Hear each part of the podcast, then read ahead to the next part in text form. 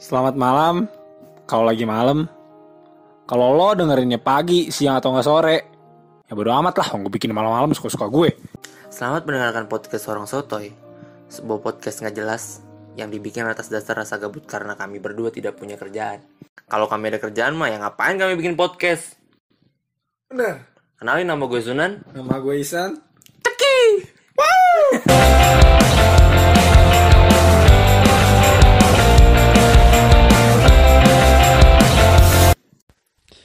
Halo guys. Halo. Halo. Halo. Bahkan halo jatuhnya nan. San. Wah, udah jam 4 nih San. Subuh. Sholat dong kalau Sholat. Tapi kita udah sholat tadi ya. Udah lah. goblok. Jamaah kita? Enggak tadi kan lu sholat duluan. Tapi gue di masjid sholatnya San. Bukan baru bangun soalnya. Lu sholat di kosan gitu. Ini namanya baru bangun nan. nan. Kocak banget lu gitu. San. Eh, Eh, kalau lu sholat di masjid. Eh, aduh jatuh Otoma- otomatis ceramah lu jatuhnya. otomatis Ah. lu mendapatkan pahala yang lebih besar Bener, lu memang. Ya Ya, memang. tapi ya namanya sholat ya harus di mana-mana nggak masalah kan Yang penting sholat. yang penting kan? sholat penting sholat. oke Daripada- San kita Daripada lu ke masjid tapi kagak sholat. nah itu jangan dicontoh San tapi itu bukan gue juga kan Gak tahu lah. nggak tahu ya San kali ini kita mau bahas apa nih San sebenarnya bingung Gak ada yang asik di Nggak ada Indonesia yang ini asik bingung ya. Gosip-gosip juga ada lu cinta Luna ribut sama Republik. itu ngapain deh gue nggak tahu Gak tahu gue juga gak jelas lu cinta Luna kan emang dari dulu selalu gak jelas. dia menurut lo apa sih jenis kelaminnya Cowok lah anjing ngomong cowok lah. lah katanya cewek gimana sih Ah, segala cewek kayak begitu. Jadi kita hampir bahas dia sih. ya. Elah. oh tapi ini ada bahasan yang menarik nih San Apaan tuh? Nah. Ngapain sih? ini persiapan ibu kota ke Kalimantan. Ibu kota pindah ke Kalimantan. Jadi San, Hmm. ada fakta-fakta persiapan ibu kota pindah ke Kalimantan Dari Oke Finance tuh ya. dari Oke Finance. Ini nomor 5 tak, tak diduga katanya San. Keraga gue kesel banget sih tagline eh headline berita harus kayak gitu. Kenapa ya, kenapa? ya? Kenapa harus nomor 5 tak diduga sih? Ya kalau nomor satu kan jadinya ini ketuhanan yang Maha Esa. Gimana sih? Nih, nomor satu San. Nomor satu iman kepada Allah. Oh, beda dong. Ini nomor satu San. Hmm. Satu juta PNS akan berkantor di ibu kota baru. Satu juta PNS. Dikit lah. Lumayan lah cuman- ya. Pemindahan ibu kota negara keluar pulau Jawa akan segera direalisasikan. Sebanyak satu juta pegawai negeri sipil dari pemerintah pusat akan turut dipindah ke lokasi ibu kota baru nantinya. Nah ini nih Nan yang menurut gue jadi problemnya sih. Apa sih San menurut lo? Kayak misal dia memindahkan berapa berapa juta tadi PNS? Satu juta. Satu juta PNS. Hmm, ke ibu kota. Otomatis dia eh, pemerintah harus nyediain fasilitas juga dong kayak Oh jelas, tinggal. jelas, pasti dong. Dan untuk satu juta orang, kalau misalkan eh, oke lah kalau dia bangunnya kayak mes gitu. Mhm. Cuman kalau misalkan emang harus dibikin rumah PNS yang kayak biasa kan ada tuh PNS-PNS rumah Ya mungkin yang udah gitu. eselon 3 atau ya nggak paham eh, eselon gua. 1 atau eselon 2 lah yang kepala dinas mungkin dikasih Kepala rumah. Cuman maksud gue berarti kan itu akan semakin memperlambat karena bikin infrastrukturnya juga kan butuh waktu yang panjang. Yang Yes. ada juga mungkin kejadiannya bukan di periode Jokowi yang sekarang. Bisa, bisa. Karena kan katanya Mungkin juga ketika lu jadi presiden, Ah, iya, benar juga itu. presiden BMFH tapi Robi Mata. Benar, benar, benar. Cuman kan katanya sih mau untuk direalisasi- direalisasikan itu udah pasti. Cuman dalam jangka panjang san atau lima tahun atau Iya, 10 benar. tahun lagi sebenarnya. Nah ini juga sebenarnya satu hal yang eh gue suka sih Apa? keputusan memindahkan ibu kota ini nan. Mm-mm. Cuman Karena kemarin gue sempat nonton berita juga san. berita apa tuh? Ternyata di Berita Asia tuh udah banyak banget yang pindah ibu kota san. apa itu? Contoh kayak Malaysia. Kenapa? Malaysia kan harusnya Kuala Lumpur. Dari dulu tuh gue ingetnya Kuala Lumpur. Emang sekarang di mana? Sekarang udah pindah san. Ke? Aduh gue lupa nih kita cek dulu ya. Ibu kota Malaysia. Kalau masih Kuala Lumpur gue pukul. Enggak. Eh gue nonton CNN cuy. Aduh, CNN Inggris Kuala Lumpur Bukan, masih tuh ibu kota Malaysia dari Kuala Lumpur ke Putrajaya inget banget gua pokoknya. Putranya Jaya ya berarti. nih Si Putra ini putra teman kita bukan? bukan nih empat negara 10 yang negara yang sukses dipindahkan tapi menurut gue sih lumayan juga bagus lah Indonesia kalau pindah gitu Ya sebenarnya emang karena menurut gue juga ini dari sudut pandang gue ya. Iya eh, negara maju itu kebanyakan memang nggak bisa kota yang jadi kota pemerintahan Hmm, sama kota industri atau kota komersilnya itu sama. Kayak Iya. contohnya bisa kita lihat ada di Cina lah, hmm, dia ada Beijing, ada Shanghai, atau di Australia. Australia itu ibu kotanya apa? Canberra kalau nggak salah. hmm. Terus yang untuk komersil dan industrinya ada Melbourne, ada Sydney, Hmm. Amerika Ya, kan kayak juga Amerika aja di New York ini kan sebenarnya kota yang apa ya industri lah ibaratnya gitu. Iya. Dipindahin ke Washington DC gitu. Ya nggak Iya. masalah menurut gue sih.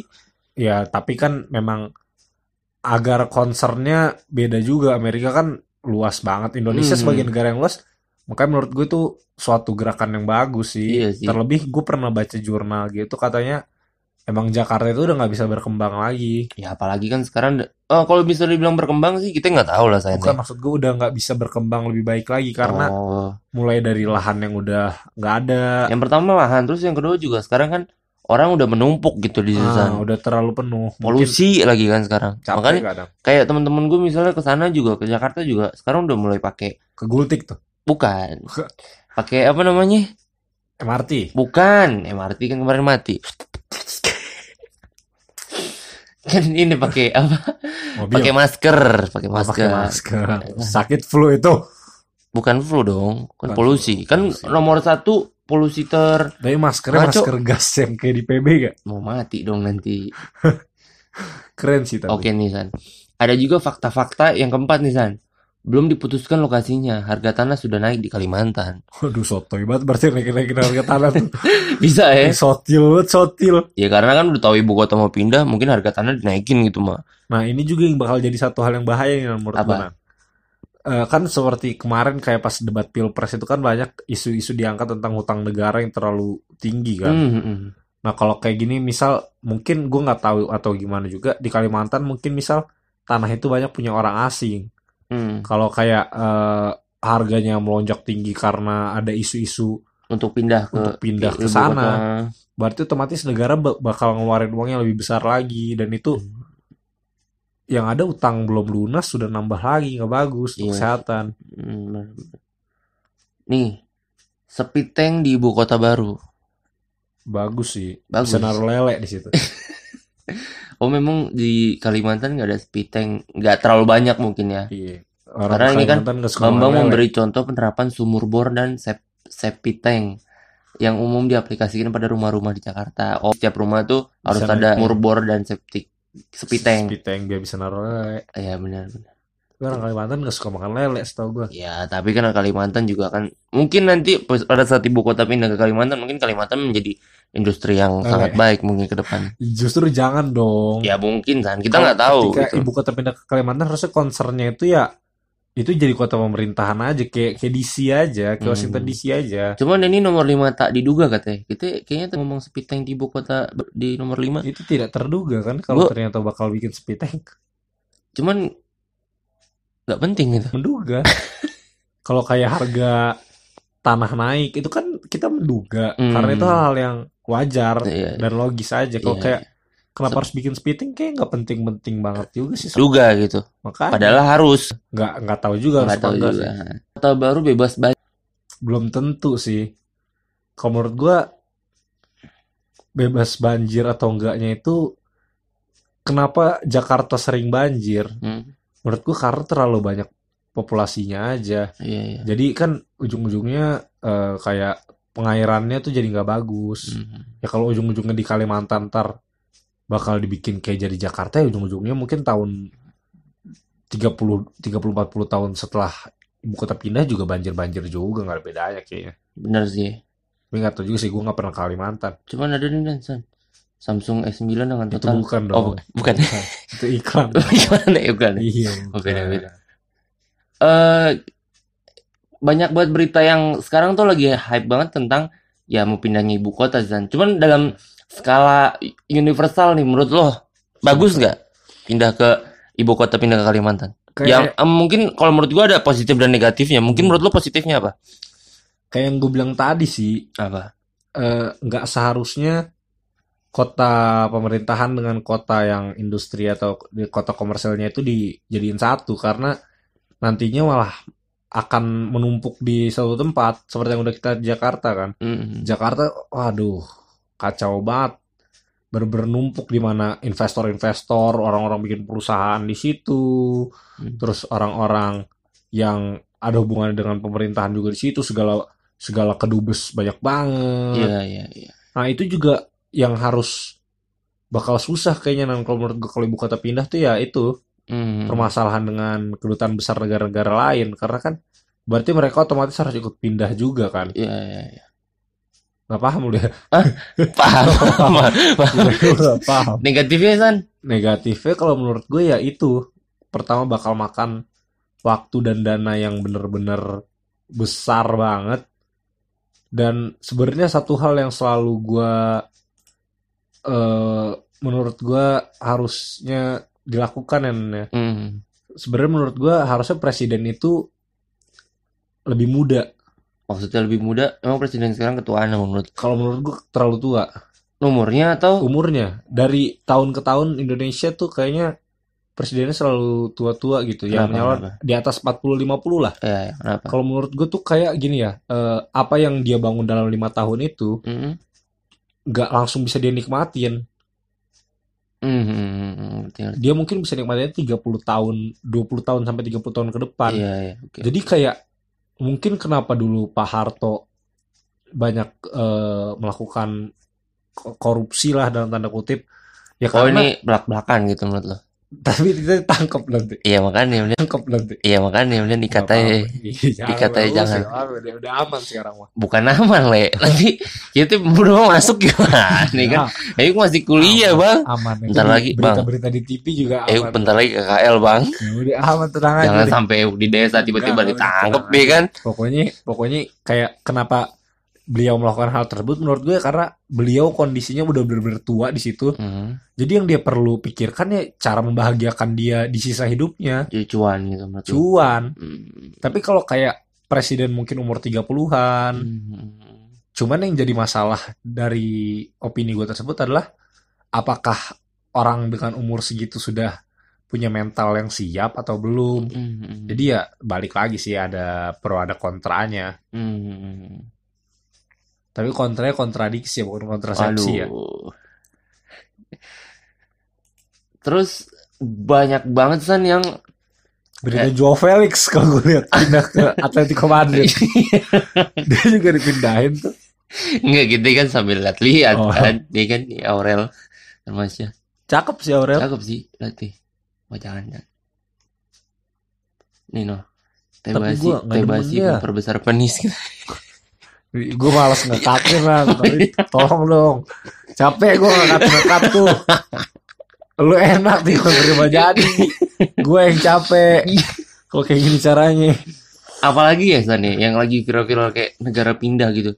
Dan banyak juga kayak orang tuh yang bilang wah gak bagus nih negara apa eh, banyak yang kontra juga tentang ibu kota pindah ke Kalimantan gitu san. Karena gini kalau menurut gue eh, ada lah beberapa negara maju yang tadi bisa dibilang kota pemerintahan dengan kota eh, industrialnya jadi satu kayak mungkin Jepang hmm Jepang sama-sama tuh di Tokyo oh kan iya benar-benar Eh, tapi ya yang harus kita perhatiin adalah Jepang itu cuman sat, segede Sumatera atau mungkin gue nggak tahu juga nggak pernah ke Jepang juga gue. Iya, iya. Tapi Jepang itu ya kecil, sedangkan Indonesia itu bener-bener gede. Kita bahkan punya 17.500 pulau. Mhm. Jadi harus Nggak lebih tuh ya? Kalau gue baca di artikel sih segitu, Oh, iya. tahu lu ya langsung nggak. Iya. Terus jadi ini bahasan ini so pinter banget, gitu. so paham Kita banget. sekali-sekali so paham lah. Kan namanya podcast orang Ini kan- sotoy. Ini kan perspektif kita aja. Ya, Kalau ada yang kita. menurut kalian salah ya udah bodo amat. Nah, iya. Suka-suka gue lah. Hmm. Eh, ya bagus sih kalau dari sudut pandang gue mungkin orang-orang yang tidak setuju adalah orang-orang yang eh pertama mungkin nggak tahu juga siapa sih yang nggak setuju sebenarnya Ada san. Nih ya, kalau misalnya kita searching ya. eh, banyak juga orang yang kontra tentang ibu kota pindah Eh, gitu. coba dilihat dia kontranya apa argumen dia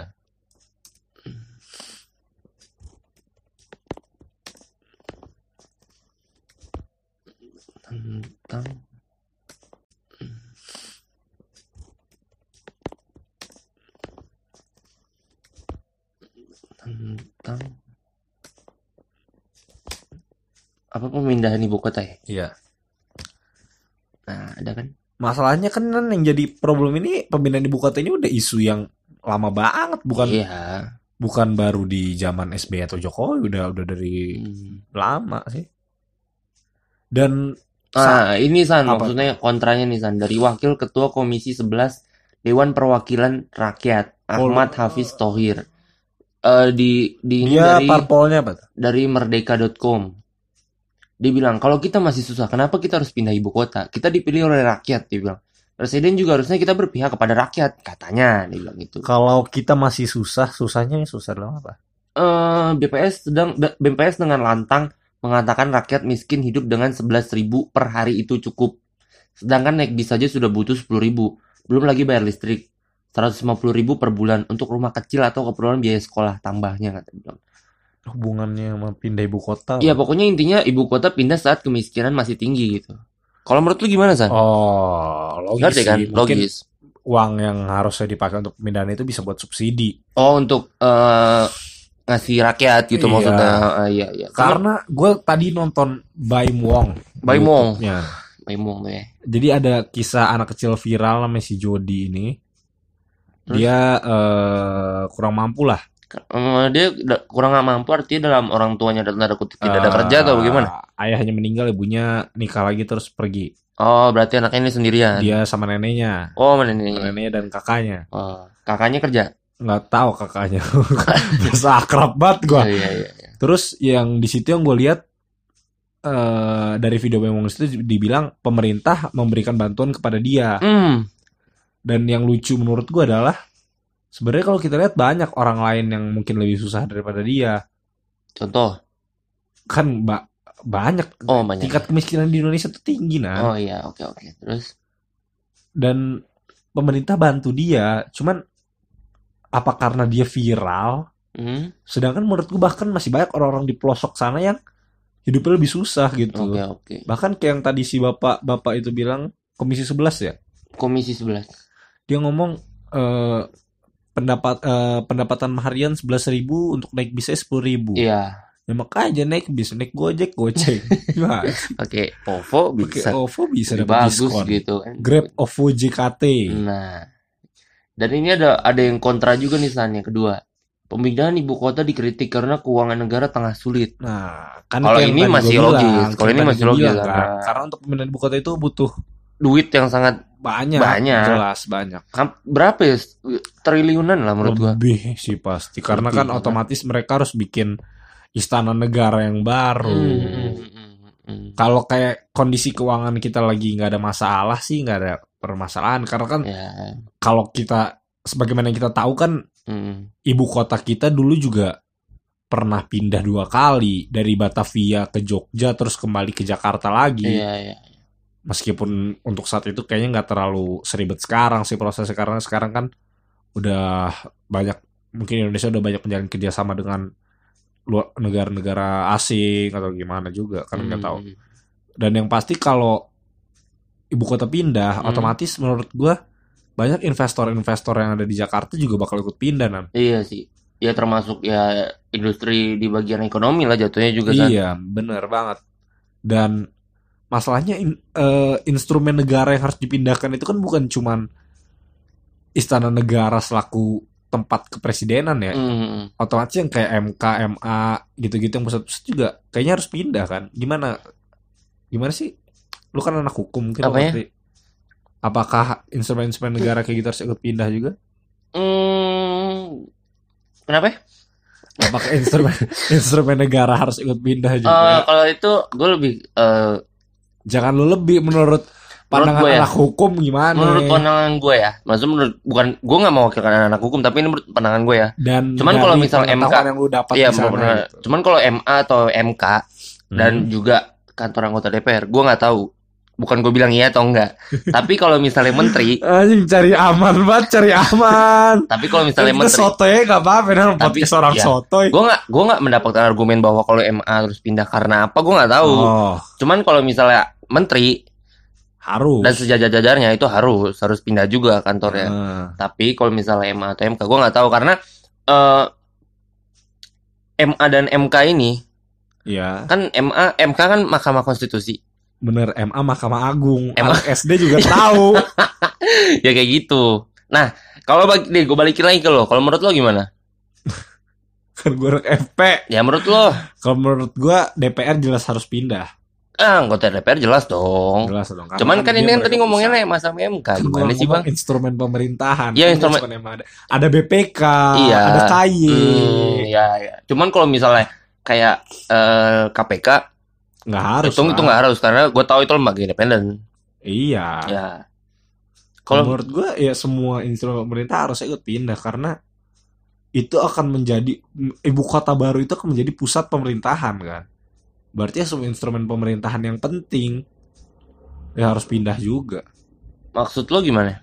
Ya instrumen pemerintahan yang penting kayak mungkin kayak pas kita SD kan diajarin tuh struktur pemerintahan, ada BPK, ada KY, ada Hmm. Iya. eh, MA. Tapi sampai sekarang gue nggak menemu bahwa kalau misalkan ibu kota pindah, MA atau MK dan segala instrumen itu harus pindah. kalau menurut gue sih harus. Menurut lo? menurut gua karena agak lucu kalau instrumen pemerintahan tidak ada di pusat pemerintahan. Kayak setahu gue di bawah MA itu bawahnya ada kan kayak Eh, yang kita eh, kita pakai contoh kecil lah ya. Kita kayak contoh kecil lah ibaratnya. kalau misalkan kayak- gitu-gitu. Yang kayak gitu kan nggak apa-apa di Jakarta. Taruh. Cuman kalau yang pusatnya menurut gua harus ikut pindah lah. Ntar, ntar. Kalau kantor mah harus lah ya. Ya pengadilannya lah. Siapa itu? Ada. Ada. Ada saya. Tuh. kan gue udah bilang. Bang, kuping lagi Tina ya. Pusing ya. Lanjut, lanjut, lanjut. Kalau ibu kota harus pindah. Enggak maksudnya kalau misalnya contoh kecil kayak misalnya kantor wali kota. Wali kota siapa sih? Wali Misalnya- kota tetap di kota dia dong. Iya enggak maksudnya pernah San. Jadi waktu itu kantor eh wah gue nggak bisa sebut lah ya. Karena ini kan Sebut aja. jangan jangan. Misalnya kota eh pindah nih misalnya. Tahu nggak lo? Kota pindah buat Misalnya apa sih kota satu pindah? misalnya ibaratnya contoh Tangsel. Tangsel pindah ke. Nah, enggak enggak enggak. Jadi kan dulu kan kota sama Tangsel eh, Tangsel belum ada Nyambung. San. Iya. Nah, akhirnya dipecah Tangsel kan. Pecah. Tangsel. Nah, tapi pada saat itu Tangsel belum ada kantornya. Iya. Nah, tapi kalau eh, kantor wali kota itu di apa ibaratnya Di kota di kota dulu di- itu nggak masalah, tapi akan dibangun di kantor wali kota di Tangsel. Tapi ibaratnya kayak kantor sementara gitu. Iya. Nah, kayak gitu itu nggak masalah. Terus hubungannya sama yang lagi kita omongin apa? Iya ya? enggak maksud gua kalau misalnya di ibu kota ini pindah, tapi kayak instrumen-instrumennya belum bisa pindah, Ah, itu mungkin bisa tetap dulu di Jakarta nih. Nanti kalau misalnya yang di sini udah dibangun baru bisa pindah kayak gitu. bener. Iya, nggak masalah kan? Nggak masalah. Nggak Cuman oh ya kan kayak yang tadi kita bilang ujung-ujungnya pasti harus pindah. Iya sih. Cuman menurut gue sih ya, Apalagi ibu kota kontra. masa ibu kota masa seluruh Ya maksudnya kan semua semua instrumen dari dari ibu kota Jakarta ini kan mengacunya pada presiden kan. Kan nggak mungkin kita kalau misalnya mau laporan ke presiden kita harus dari Jakarta dulu baru ke Kalimantan pada saat nanti udah jadi kan ibaratnya kayak gitulah Iya makanya kan dari tadi gue bilang emang harus pindah Sunan. gitu ya. Nah, ini ada nih San. Aduh. Dunia usaha bergairah saat ibu kota pindah katanya begitu. Kata Benar, benar sih menurut. Kot- eh, ini di Apindo, diliput dari mana ini gue lupa. Diliput dari Oke. merdeka.com. Dia bilang eh Menteri Pekerjaan Umum dan Perumahan Rakyat di kurung PUPR Basuki Hadi Mulyono. Dia menuturkan ada banyak pertimbangan kenapa ibu kota harus dipindahkan dari Jakarta. Salah satunya terkait faktor daya dukung.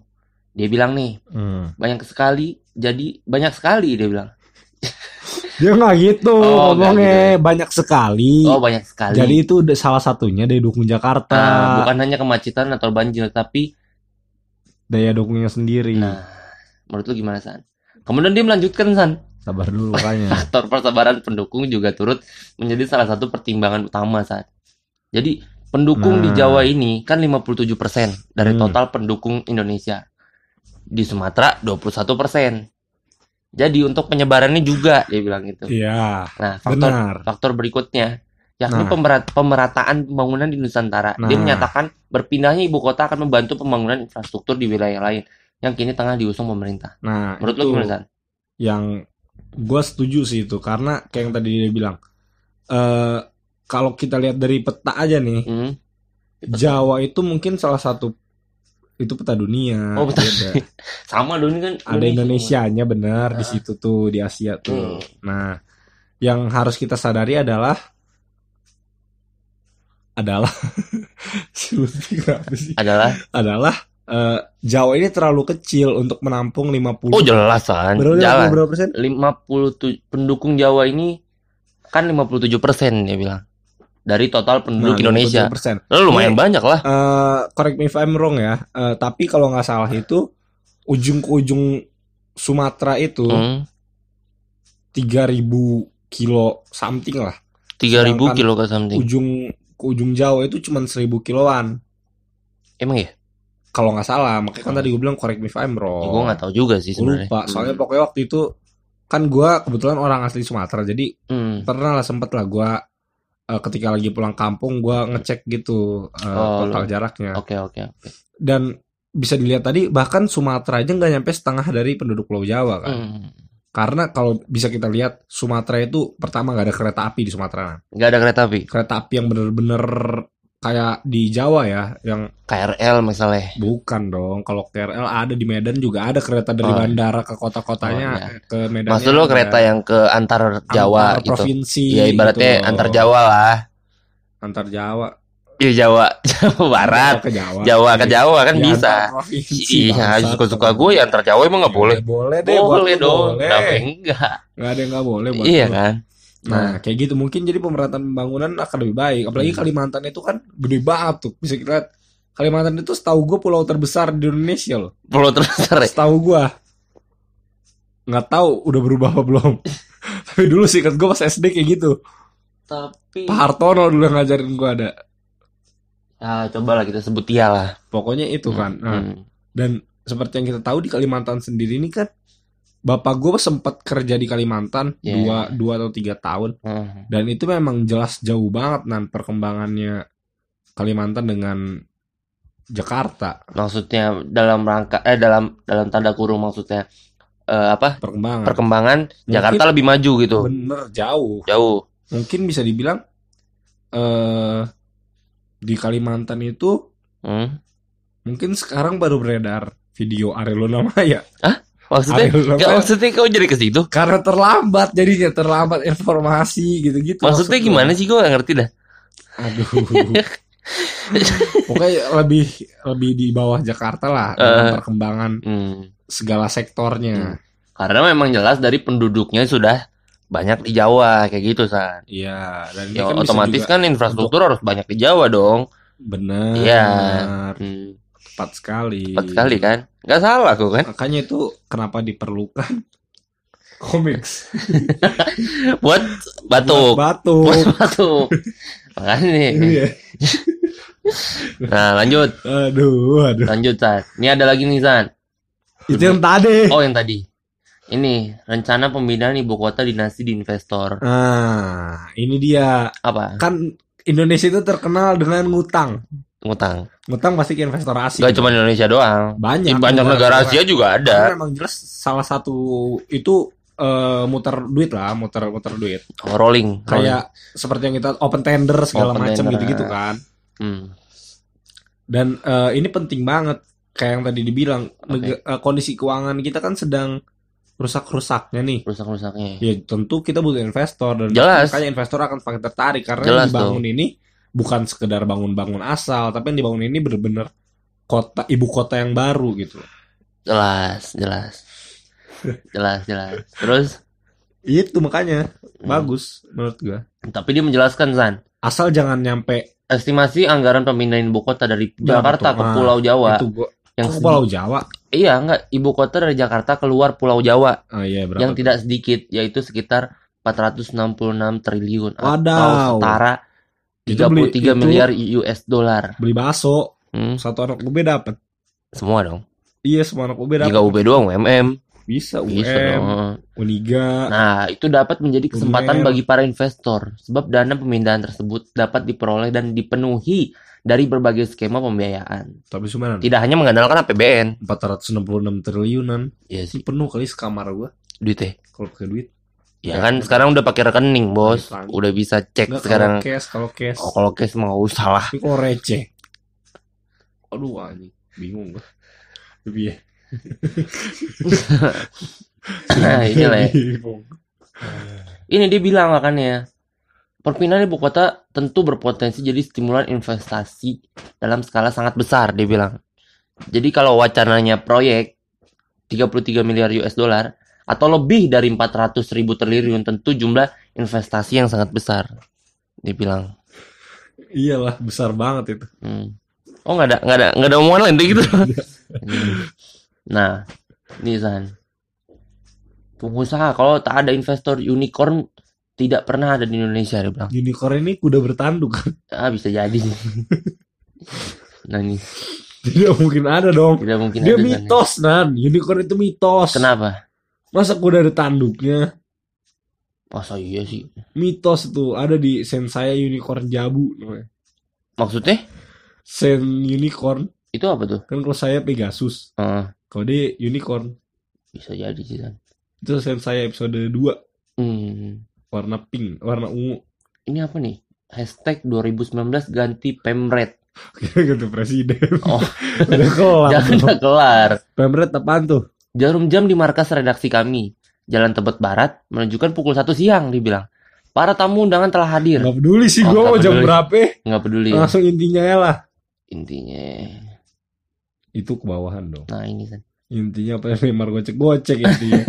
Nih, kepanikan pengunjung mall akibat gempa Banten. nah, wah ini nan kita Nah, sebagai ini ngomongin tentang gempa nih. Kalau misalnya kalau misalnya lu sendiri kalau misalnya lu sendiri ini kan teman kita lagi kena gempa nan. Enggak, kalau misalnya lu sendiri gimana? Gimana ya? Pertama Gue sempet gue sempet sih pada saat gempa itu jadi kan. Terus gue liat di Line Today. kalau gue kaget karena gue lagi nonton streamingnya ada salah satu pro player Dota lah. Hmm. Tiba-tiba gempa. Oh di kamera dia goyang. Enggak, dia awalnya Wih, ada yang gerakin kasur, Cuk. Oh gitu. Terus, Gitu. hmm, Eh anjir, gempa-gempa. hmm.